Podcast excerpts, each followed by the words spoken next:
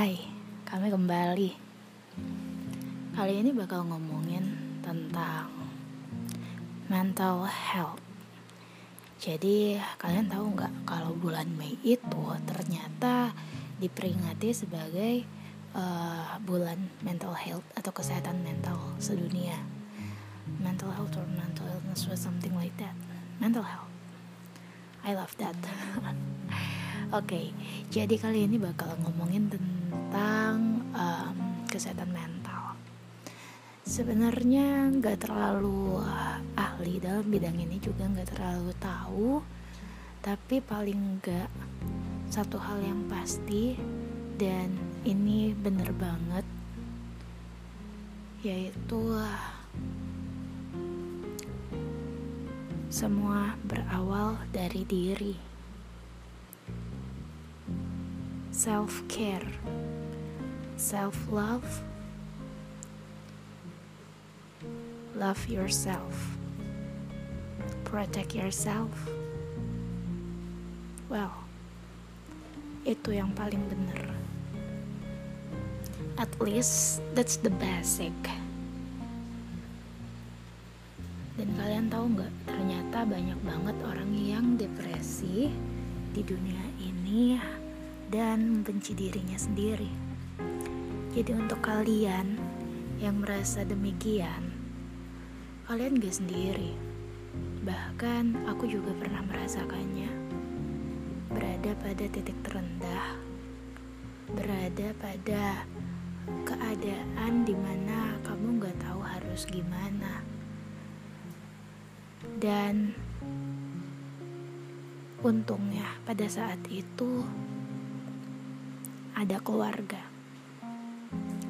Keluarga yang selalu ada untuk aku dan nolongin aku bagaimana untuk tetap bertahan dan bangkit. Dan parah sih waktu itu emang bener-bener gak bisa um, ngapa-ngapain cuman seharian itu seharian literally seharian itu nangis aja. Di atas tempat tidur nangis selimutan cuman bisa nangis rebahan nangis nangis nangis nggak mau makan nggak bahkan minum juga dipaksa. Pokoknya nangis aja seharian nggak ngapa-ngapain cuman nangis tok sampai-sampai satu rumah itu khawatir. Karena itu emang benar-benar kayak that's that's the point when you really really feel so low. Jadi emang pada saat itu itu datangnya tiba-tiba. Sebelum-sebelumnya mungkin kamu dapat mengendalikan apa yang kamu rasakan. Kamu bisa uh, bertahan. Kamu bisa mengalihkan pikiran kamu ke hal-hal lain ke hal-hal yang lebih positif, mencoba melupakan eh, pikiran-pikiran uh, negatif tersebut, mencoba tidak overthinking, kamu bisa bertahan. Dalam waktu beberapa lama, kemudian sampai akhirnya ada titik nih di mana kamu benar-benar gak bisa ngapa-ngapain.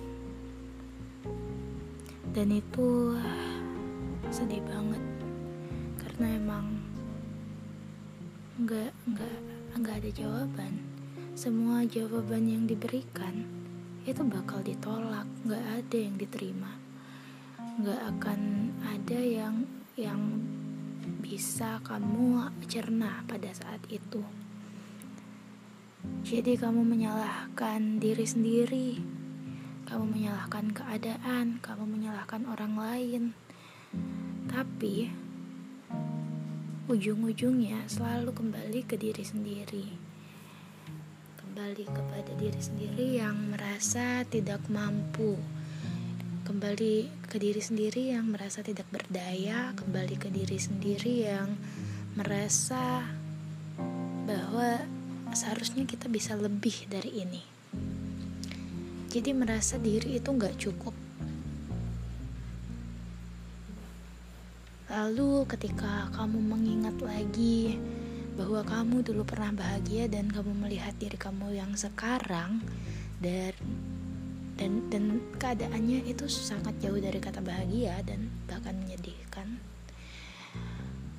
kamu bahkan jatuh lebih dalam lagi lalu kamu kemudian mengingat apa saja yang kamu inginkan dan kamu merasa kamu tidak dapat mencapai itu semua atau mendapatkannya kamu jatuh lebih dalam lagi. Dan kemudian kamu mengingat bahwa mengapa kamu tidak dapat mencapai itu.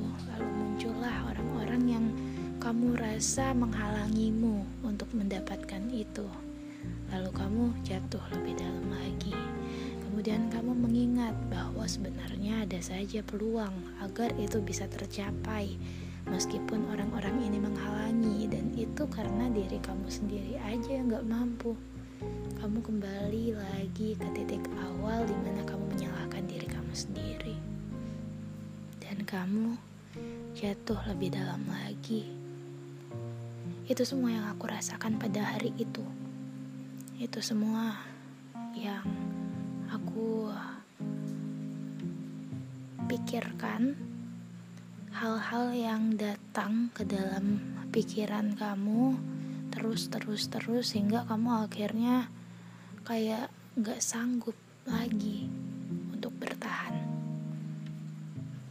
Dan yes untungnya pada saat itu aku sangat beruntung memiliki keluarga yang care yang selalu ada untuk aku dan bahkan mama itu nemenin sampai aku bangkit. Dia memberikan petuah-petuahnya dia menenangkan aku dan kakakku memberikan minuman hangat untuk menenangkan aku. Hal-hal seperti itu memang hal-hal kecil.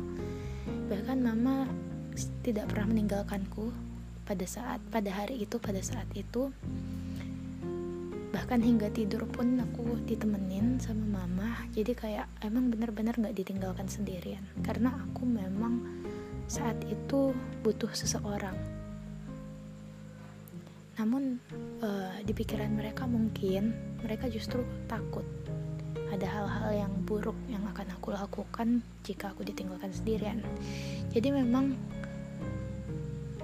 ketika kita merasa kita berada pada titik terendah kita. Yang kita butuhkan cuma satu. Tidak merasa sendirian. Jadi, buat kamu yang mikir kalau kamu itu sendirian, kamu gak sendiri. Ada begitu banyak orang yang merasakan hal yang sama dengan kamu. Dan penyelamatmu bisa saja bermacam-macam, tidak hanya dari keluarga, bisa saja teman, bisa saja Tuhan, bisa saja hal-hal kecil lain yang menurut kamu itu tidak mungkin dapat menyelamatkanmu, justru itu juga dapat menyelamatkanmu. Seperti misalnya lagu yang kamu dengar atau bahkan pesan yang tiba-tiba masuk ke dalam HP kamu di saat yang tepat dan mengatakan hal yang tepat itu sangat-sangat membantu itu menyelamatkanmu. Itu juga penyelamatmu. Aku banyak membaca dan mendengarkan pengalaman-pengalaman dari orang-orang yang berhasil survive dari titik terendahnya ada beberapa yang bahkan mengatakan ketika dia ada pikiran untuk mengakhiri hidupnya, tiba-tiba datang sebuah pesan dari seorang temannya yang padahal mereka lagi nggak nggak ngobrol, lagi nggak chatan, lagi nggak ya lagi nggak komunikasi, tiba-tiba datang uh, chat tersebut atau dia dihubungi temannya yang kalimatnya itu kayak random banget sih kayak mengatakan hey apa kabar aku harap kamu baik-baik saja itu penyelamatnya dia. Dia bilang itu adalah penyelamatnya. Dia langsung berpikiran bahwa ternyata ada orang yang memikirkan dia dan mengharapkan dia menjadi baik-baik saja.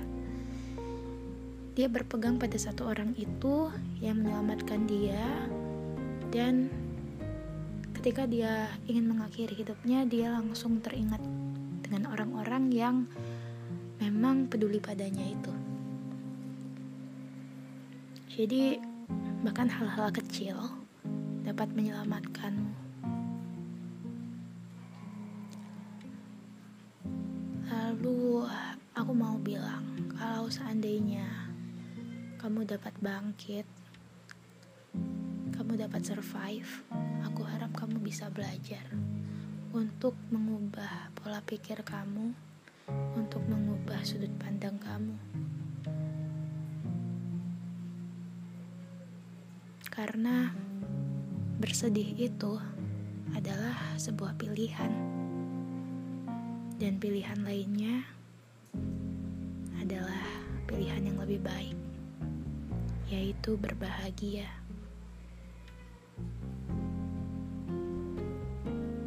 Pilihan ini tidak rumit, tidak akan menempatkanmu pada keadaan sulit. Jadi, berbahagialah. Bahkan, Weirdo dan Rebel sepakat untuk satu hal ini. So, that's it. See you next time.